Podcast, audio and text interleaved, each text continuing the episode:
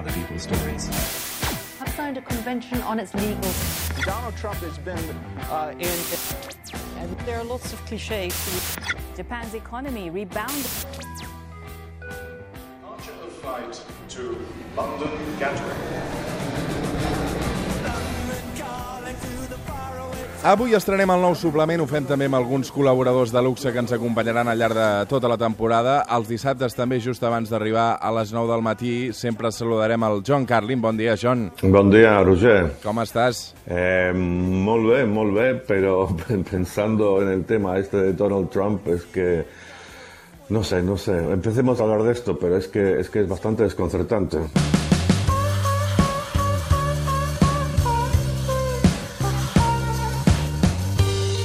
Segurament aquesta ha estat una de les setmanes més complicades eh, per Donald Trump. De fet, d'entrada, primer s'ha publicat un llibre eh, que es diu Fear, Por.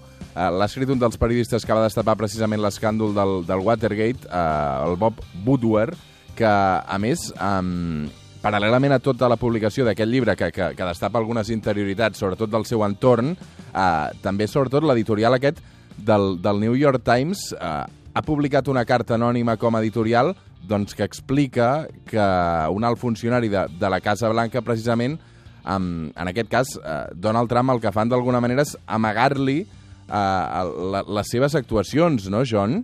Bueno, mira, dices, Roger, que es una semana complicada para Donald Trump, pero es que todas las semanas son complicadas para Donald Trump. O sea, una tras otra. Yo creo que quizá el grado de complicación eh, aumenta, pero lo tremendo es como este señor ahí aguanta, que aparentemente en las encuestas la- lo que llaman la, la base, el núcleo duro de su, de su gente no, no cambia y él insiste en que todo es mentira, todo es mentira. Entonces la- estás hablando ahora de lo tremendo esta semana, lo que ha salido en, en- la prensa y el libro de, Woodward, pero la semana anterior no nos olvidemos que el, el abogado personal o el ex abogado personal durante no sé más de 20 años de Trump sale y nos dice que pagó a una ex eh, eh, actriz porno por no contar de sus aventuras sexuales que tuvo con él. O sea, uno pensaría que solo con eso ya un presidente cae y se acabó. No. Esta semana lo tremendo, tremendo ha sido que desde dentro, dentro, dentro de la Casa Blanca, de la gente más cercana a Trump, se confirma todo lo que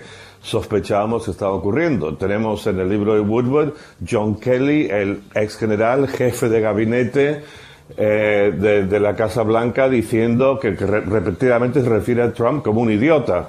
El secretario de Defensa, otro ex general, dice que tiene el concepto de política internacional de un niño de 11 o 12 años. Después sale este artículo desde el anonimato de una figura según el New York Times, un, un- un alto funcionario de la administración Trump, y nos dice que Trump es una persona absolutamente amoral, eh, que es errático, que, que- que- que- no tiene ningún sentido de nada de lo que es la, la complicación, la complejidad de la política, un tipo sin sofisticación alguna.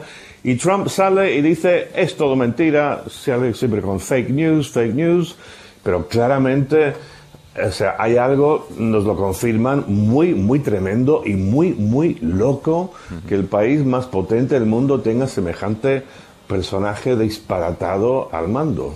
John, tu t'imagines que es pugui tornar a veure als Estats Units com la premsa tomba un president?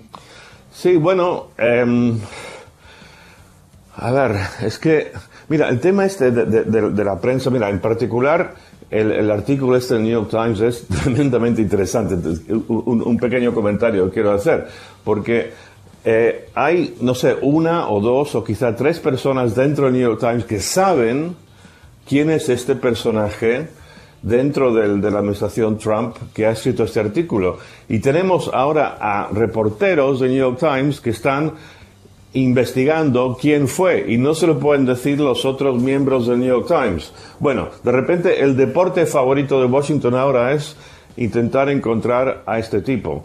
Y, y lo que vamos a ver, y no sé, en las próximas semanas, meses, quizá nunca, no sé, pero lo que vamos a ver es que si el tema Watergate, que la prensa se va a repetir, si la prensa va a tumbar a un presidente. Pero vuelvo a lo que te decía antes, Roger, para mí lo más interesante de esto y lo más per- que más me per- deja perplejo, y es lo que hablaba con mis amigos, especialmente del New York Times, en Nueva York la semana pasada, es como esa base, como la llaman, la gente que votó por él, ahí sigue fiel y, y sencillamente no ve, és no sorprenent, sí, que sí. este tipo Sí, sí, sorprende, eh, sorprende. Esto, esto es lo más tremendo. Porque, porque mira, porque que Donald Trump sea un tipo, no sé, un infantil, eh, imbécil, idiota, como dice el general John Kelly, etcétera, etcétera. Bueno, hay bastante gente así en el mundo, pero que haya 60 millones de estadounidenses que hayan votado por él como presidente y que sigan pensando